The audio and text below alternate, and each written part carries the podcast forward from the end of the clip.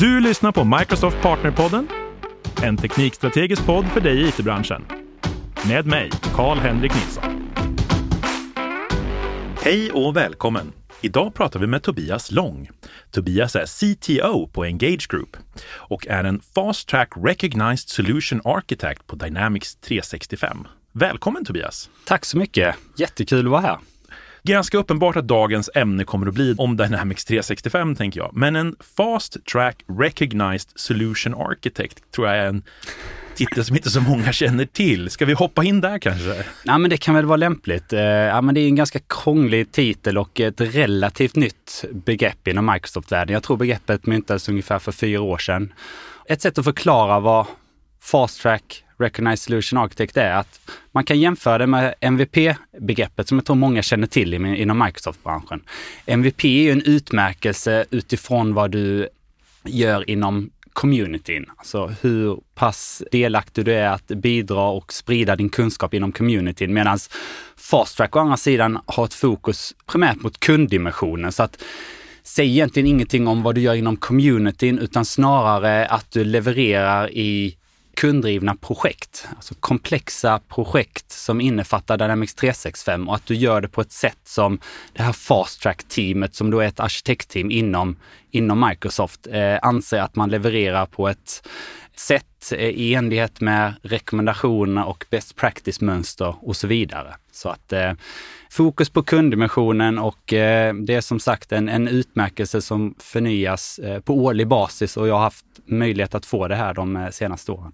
Häftigt. Mm. Jag, jag var ju med i MVP-community i några år. Mm. Man fick du mycket information därigenom? Jag tänker mig att du pratar om hur man ska dela best practices. Mm. Har ni så att ni får liksom mer best practices än vad som finns tillgängligt publikt? Eller är det ni som skapar best practices mm. för det här?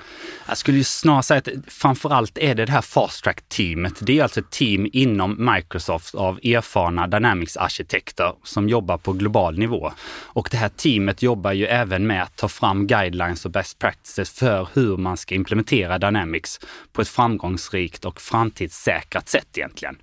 Så att de har ju bland annat producerat en bibel, eller vad man kallar det, på 700 plus sidor som heter Success by Design, som någonstans ändå sammanställer råd och rekommendationer för implementation av Dynamics 365. Utöver den här eh, Success by Design-ramverket så eh, publicerar de också löpande tech-talks kring hur man bör tänka, eh, råd och rekommendationer som sagt.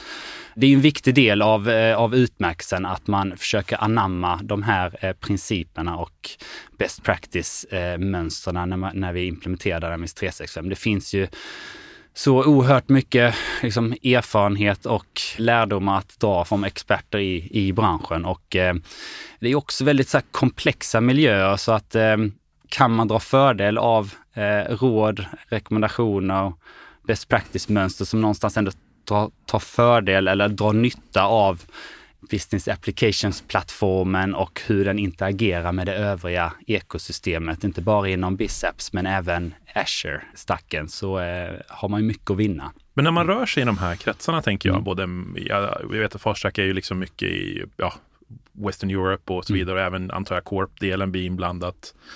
Jag antar att du kommer i kontakt väldigt mycket med, eh, med roadmaps och vad som, vad som kommer att komma så här. Ska vi våga oss på och börja diskussionen lite Men vad är det vi ser liksom som kommer att komma i ekosystemet kring Dynamics 365?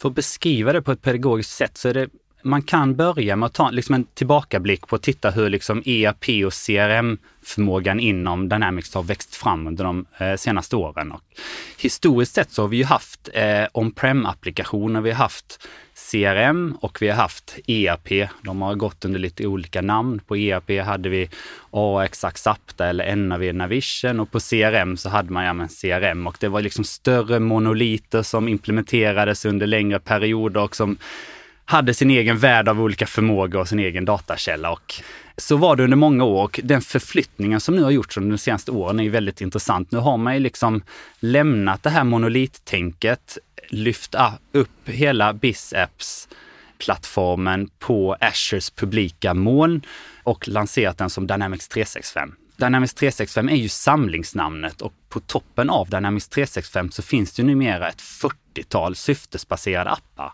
Så det är alltså managerade SaaS-tjänster som tillgodoser ett specifikt behov och där syftet är som kund att man ska kunna börja i liten skala och sen så växa in i Dynamics-plattformen. Ja, eh, precis, för jag tror att många blir förvirrade när vi säger att det finns 40 appar ovanpå. För man kan ju bygga appar ovanpå Dynamics 365 mm. och, och har, finns ju mycket som helst. Men mm. det, de säger, det, det finns vad var ditt ord du använde där? Det var så bra. Syftes... Ja, men syftesbaserade appar och det är klart man kan ju, det är ju ett litet sidospår, men vi har ju väldigt stor möjlighet att jacka in det större liksom Azure och Power Platform ekosystemet för att bygga egna appar. Men när jag pratar om de här 40 syftesbaserade appar så är det egentligen Microsoft First Party-appar såsom Dynamics 365 Sales eller Customer Service eller Finance eller Supply Chain. Så liksom färdigbyggda appar som följer en väl definierad roadmap etc. Liksom. Jag tänker också, det har ju blivit väldigt modulärt så att man kan ju börja på en man startar sitt bolag och så tar man in det, precis det man behöver, mm. kanske sales-funktionalitet mm. och sen mm. kan man då väldigt relativt enkelt i alla fall bygga ut det där efter behov. Mm. Ja men det är ju så många av våra kunder numera resonerar, att man vill göra den här förflyttningen från on-prem upp i molnet. Man inser att inte rimligt att vi ska flytta alla våra workloads över en natt, utan vi vill minimera affärsrisk och beroende på verksamheten och ta det successivt. Och det har vi ju helt andra möjligheter nu med de här syftesbaserade apparna. Att man kan börja exempelvis på sales för att få ordning på sina säljprocesser från lead, affärsmöjlighet, offert och så vidare. Och sen så kanske man väljer i ett nästa steg lyfta in affärssystem processer och lägger då på ytterligare appar såsom Dynamics 365 Supply Chain Management och Finance för att ta hand om hela orderhantering och slutgiltigen faktureringen också. Så att det är väl så trenden ser ut. Ja, ett problem som jag inte vet om det finns kvar, men som jag vet att vi har jobbat med mycket tidigare sådär, mm. var ju att det varit väldigt mycket olika datakällor där all den här informationen låg i. Mm. Är det helt borta idag eller är det fortfarande en, en grej som man får, man får ta hänsyn till så att säga? Det stämmer fortfarande i allra högsta grad skulle jag säga. Man har ju samlingsnamnet Dynamics 365 och vid en första anblick så är det ju lätt för en kund eller egentligen vem som helst att tro att okej, okay, det är en plattform, det är en uppsättning verktyg och allting hänger ihop. Men det är fortfarande så att de här apparna kommer ifrån en lång bakgrund där de har byggts under många års tid och det är fortfarande så att det finns en arkitektur som bygger på olika datakällor, olika affärslogik och sätt att interagera. Så om man tar ett konkret exempel, det som vi ofta stöter på tidigt i våra kunddialoger när man, när man pratar Dynamics TCVM, det är ju att okej, okay, vi har en kund som vill implementera prospect to cash-processen. Vi vill börja skapa offerter, affärsmöjlighet, bearbeta våra leads till egentligen eh, riktiga eh, konton och kunder. Och så vill vi sen ta det vidare till att skapa order och slutligen eh, fakturera. Tar vi ett sånt end-to-end processflöde så är det fortfarande så att utifrån ett Dynamics 365 perspektiv så börjar man i Dynamics 365 Sales. Det är en applikation, en datakälla som heter Dataverse och sen så behöver man förflytta både processen och det här datat för att i slutändan landa i Dynamics 365 Supply Chain Management och Finance för att kunna hantera order och fakturering. Eh, och den Dynamics-tjänsten har i sin tur en egen datakälla så att det är eh, en Azure SQL-databas eh, som i det fallet är eh, datakällan. Så här har vi däckt ett, ett, exempel att det finns ett kundbehov som har en end-to-end-process eh, som är väldigt sådär, vedertagen, men att för att realisera det inom Dynamics 365 så behöver man etablera de här flera apparna. Man behöver upprätta ett eller ett antal integrationsmönster mellan dem. Och där har vi som sagt numera ett antal standardmönster att utgå ifrån. Ja, man kommer vilja göra rapporter. Det här är ju fråga 1A på mm. data AI-resan. Liksom. Mm. Vi vill ha mm. rapporter. Mm. Och då blir det så här, liksom, okej, okay, men nu har vi saken i många olika datakällor. Vad har vi för olika strategier som vi kan använda för att ändå få ut det här på ett någon form av, av relativt smidigt sätt då? Ja, alltså just eh, rapportkomponenten är ju också en relativt komplex historia, för det är inte så bara att vi har en rapportkomponent, utan vi har egentligen en hel flora, eller en hel verktygslåda av olika rapportkomponenter. Respektive rapportverktyg tillgodoser ett specifikt behov eller scenario och är kopplat till kanske en viss roll. Så att det är ju nästa aspekt i det här hela när man dels pratar eh, de här olika datakällorna men Går man vidare till rapporthantering så är det också en viktig del att typiskt vi som partner kan vara rådgivande. Eh, vilket verktyg är lämpligt för vilken typ av behov egentligen? Trenden här ser vi mycket att när det kommer till självbetjäningsrapportering, det är ju det som man mer och mer går åt. Man vill inte definiera statiska rapporter där vi förvisso har verktyg såsom SQL Server Reporting Services eh, och andra komponenter inbyggda i Dynamics 365-stacken, utan det trenden går snarare åt att nyttja de här standardtjänsterna för att exportera datat till en Azure Data Lake. Eh, det är någonting vi kan numera tillgodose i nära realtid med fullt stöd för, för eh, change tracking och sen därifrån förädla datat och lagra det på ett sätt så att slutanvändaren kan konsumera det på ett lämpligt sätt. Exempelvis via Power BI som visualiseringstjänst. Ja, jag hade faktiskt en, en gäst på eh, tidigare här som gick så långt att han, ville, han önskade död åt den statiska rapporten i något tidigare avsnitt. Ja. Ja, det är en spännande tid framför oss när det kommer till rapportering tror jag. Ja men verkligen. Där händer det supermycket och som sagt värdet av data tror jag bara ökar och ökar. Det, det är något mm. som vi ser tydligt hos våra kunder.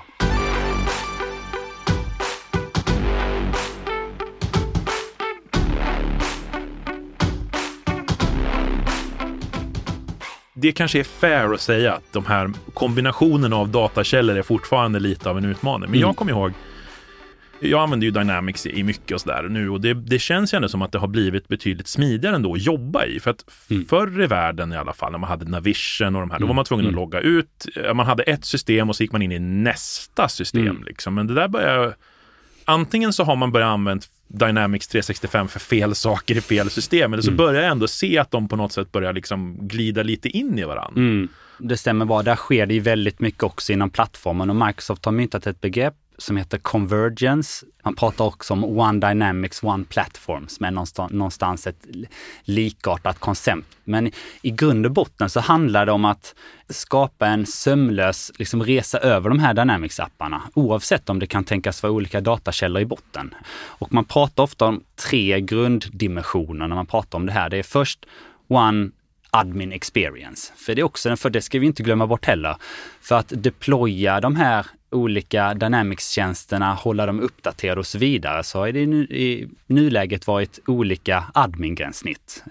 Så på eh, ERP-sidan har vi haft en portal som heter Lifecycle Services, eh, medan på Customer Engagement-sidan så har vi haft en annan portal som heter Power Platform Admin Center. Så att redan där finns det liksom en eh, skillnad i hur man administrerar apparna. Så det är den delen, liksom det första delen att gå mot en gemensam plattform för att administrera apparna och eh, där är ju Power Platform Admin Center som är det som är tänkt att vara den framtida lösningen. Det låter som att vi inte riktigt är där än. Nej, men det finns en tydlig roadmap numera och man har redan börjat flytta över vissa av förmågorna till Power Platform Admin Center.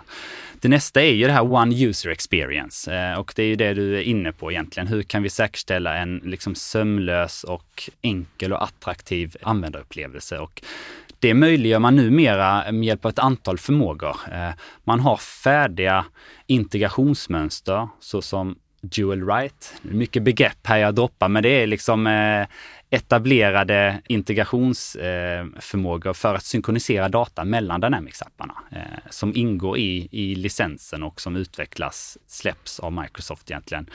Man har andra tekniker såsom eh, virtual tables eller virtual entities för att öppna upp titthål mellan Dynamics-apparna. Så inte för att undvika att egentligen synkronisera data utan man, en CRM-användare ska kunna se data från ERP-systemet, alltså Finance Operations, utan att behöva synkronisera det. Det är ett annat mönster.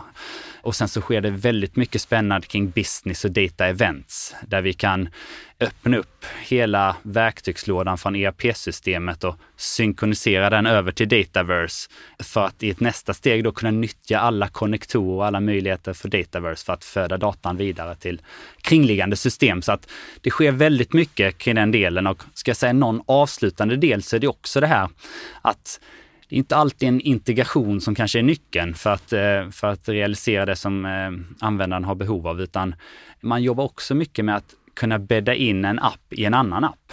Så låt säga om vi tar ett konkret exempel, vi har en användare på kundtjänst som sitter och jobbar i Dynamics 365 Customer Service som kanske har behov av detaljerad information kring returorder, lagersaldo och annat, som då ligger i en annan app som heter Dynamics 365 Supply Chain Management. Det är också en del av investeringarna framöver att man då ska kunna bädda in en vy från Supply Chain Management direkt i ett formulär i Dynamics 365 Customer Service. Och utifrån ett användarperspektiv så jobbar jag i ett gränssnitt, men kanske bakom kulisserna så är det fortfarande data lagrat i två appar. Det här gillar ju jag. Alltså det här är ju det, här är ju det jag liksom ja. vill ha. För att jag vill inte, det, ska vara så enkelt som ja. möjligt för folk att bara få ut det de vill göra. Det ska inte vara en massa krångel. Jag vet inte. Vi ja men exakt och vi pratar mycket om sådär, man, man behöver liksom, vi behöver korta ner de här stora projekten historiskt sett så implementera de här CRM och ERP-systemen, det kan ha tagit åratal innan man kan börja realisera värdet eh, av det. Och nu när vi har gått upp i, i Azures publika moln, vi har en helt annan frekvens på uppdateringar. Det finns ett väldigt tydligt fokus från både liksom kund, partner och, och Microsoft att kunna realisera värde fortare. Och då är det just den här typen av lösningar behöver för att minska komplexiteten. Eh, vi vill inte bygga ett ERP-system i CRM, eh, men kan vi möjliggöra access till datat på ett smidigt sätt så är det mycket enklare att realisera. Och för att vara övertygad, är det det vi menar med convergence egentligen? Ja, men det är ju en del. Det är ju som sagt de här tre dimensionerna, så här convergence, att smälta samman både admin-upplevelsen, användarupplevelsen, men sen ska vi inte glömma den sista delen, utvecklingsupplevelsen. För det är också så här, så som vi jobbar med att uppdatera de här olika apparna, deploya ny kod och utveckla på dem. Det är också så att bygger på olika uppsättning verktyg. Vill jag exempelvis implementera en, eh, en ny funktion som innefattar både CRM-relaterad förmåga och ERP-förmåga. Då är det liksom två olika kodpaket jag behöver bygga och releasa med hjälp av två olika tekniker. Eh, eh, och det är ju också, liksom, tittar man då vem det är som ska göra detta så är det ju kompetensmässigt olika roller i dagsläget. Men utifrån en kunddimension vill vi liksom deploya detta samtidigt så att det skapar komplexitet i hela den här application lifecycle management livscykeln. Så det är del av den här resan också att en harmoniserad upplevelse för att eh, jobba med utvecklingsverktygen och kunna deploya kod. Så att ja, i grund och botten handlar det om att framöver kunna skapa ett paket av paket som både då innehåller CRM-relaterade uppdateringar och ERP i ett paket och sen hantera det på ett enhetligt sätt. Jag håller på mycket med Power Platform-delarna. Mm. Liksom. Mm. Och då, där ser man ju verkligen de här ALM-grejerna har ju gått, ja, det, det, tar ju stora steg hela tiden mm. och det är ju det är klart att de delarna går ju också in i Dynamics då mm. naturligtvis. Så det är lite spännande att se mm. hur de verkligen jobbar ihop. Vi var ju inne lite grann på um, data AI-delarna och sådana här saker. Jag vet ju att det har hänt väldigt, väldigt mm. mycket även där. När vi ändå har det här så kan vi försöka hitta var, var, var vi har investeringarna så att säga. Ja. Ska man eh, zooma in på ett specifikt område, för det är klart som jag nämnde tidigare, det finns olika rapportkomponenter, men där vi ser det hända absolut mest och det finns störst intresse från våra kunder så är det just kopplat till självbetjäning, hur man ska kunna bygga sitt framtida datalager, sin data lakehouse-arkitektur för att liksom möjliggöra mer avancerad analys.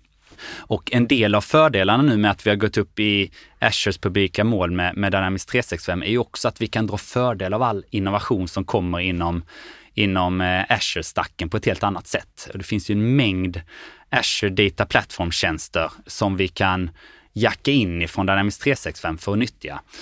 Tar man ett konkret exempel så har vi ju numera den här exporten av data i nära realtid till en Azure Data Lake. Det är ju någonstans ändå det första steget i den här Advanced Analytics-resan och det är någonting som är på plats och som tillhandahålls av en, av en tjänst som Microsoft managerar. Så vi behöver inte sätta upp några batchjobb eller något annat, utan vi definierar vilken data ska exporteras. Sen så tar Microsoft ansvar för det. Så vad som händer därefter, det är ju historiskt sett så har det ju varit bygga klassiska data warehouse. Tittar man på trenden numera så är det många kunder som tittar på eller håller på att etablera form av data lakehouse-arkitektur istället, där man snarare ligger kvar med datat i data lake som är någonstans ändå en väldigt kostnadseffektiv och smart lagning för stora mängder data. Men att man jobbar med olika zoner såsom brons, silver och guldzon för att bearbeta datat och att man då tar hjälp av kanske Apache Spark eller Azure Databricks för att bearbeta datat. Därefter använder någon visualiseringstjänst såsom Power BI på toppen. Och det öppnar ju också upp en mängd möjligheter för machine learning och andra avancerade AI-teknologier. Så att det är väl typiskt något vi ser Microsoft investera mycket i. Det har ju dykt upp en del nyheter väldigt nyligen här med, med de, de trender vi har sett kring just data AI investeringarna för Dynamics 365. Har vi några sådana här favoriter som vi kan dra upp? Ja, vi läste bland annat nyligen om ett, sam, ett fördjupat samarbete mellan Microsoft och Databricks och det är ju helt i linje med den här trenden vi ser, ett större fokus mot eh, Data Lakehouse-arkitekturer. Vi såg ju också nyligen på Microsoft Ignite-konferensen som var här häromveckan att eh, man pratar nytt, mycket om ett nytt begrepp, Microsoft Intelligent Data Platform, som egentligen är en paketering av en mängd olika Azure Data Platform-tjänster såsom Synapse Analytics. Så att det sker väldigt mycket inom det här området och jag vet ju också via mina ingångar från Fast Track att även Microsoft Dynamics 365 Team satsar mycket på hur man ska kunna införliva innovation från de här tjänsterna och egentligen ladda in det i Dynamics-gränssnittet för att även Dynamics-kunderna ska kunna dra fördel av all den här innovationen. Coolt.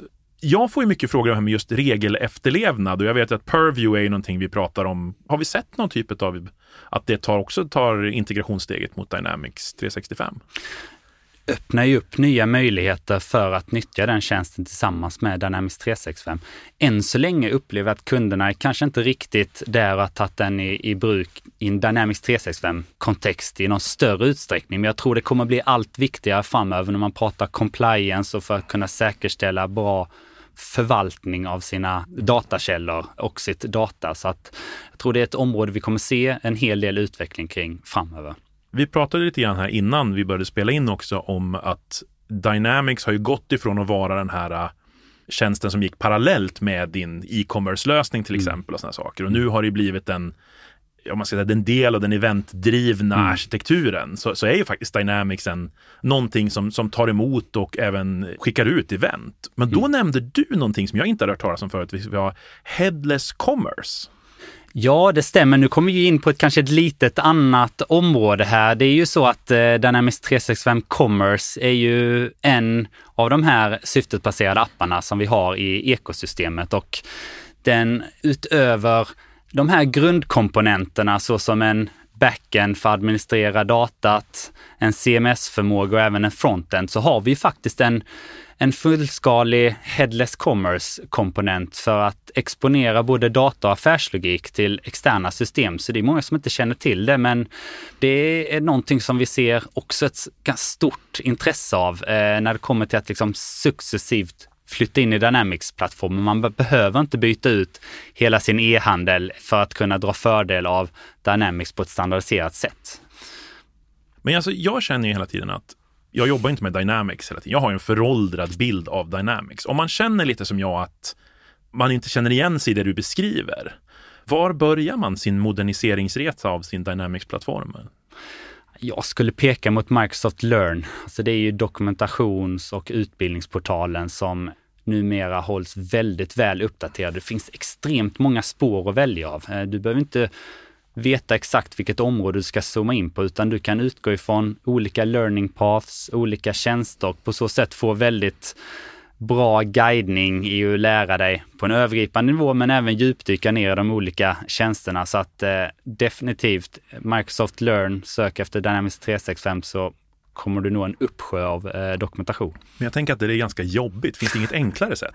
Jo, du kan kontakta Engage Nej, men eh, jag vet inte vad jag ska säga. Jo, ja, men det är klart att man kan ta hjälp av en partner Ja, man kan ta hjälp av en partner. Eh, om du vill jag ska svara på så blir det i grund och botten så kunder hinner ju inte med att hålla sig uppdaterad med allt som händer på plattformen och det är ju oftast där partner kommer in för att kunna fånga kundens behov och kunna presentera det på ett lättsmält sätt som är relevant för just deras affär.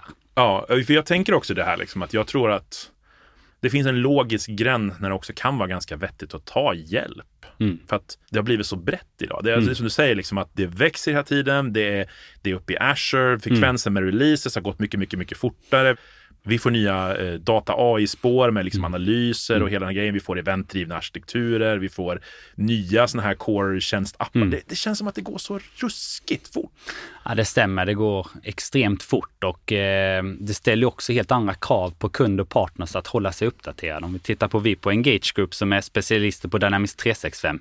Vi jobbar ju praktiskt taget utslutande tillsammans med partners för andra partners eller kunders specialistteam för att realisera de här implementationerna.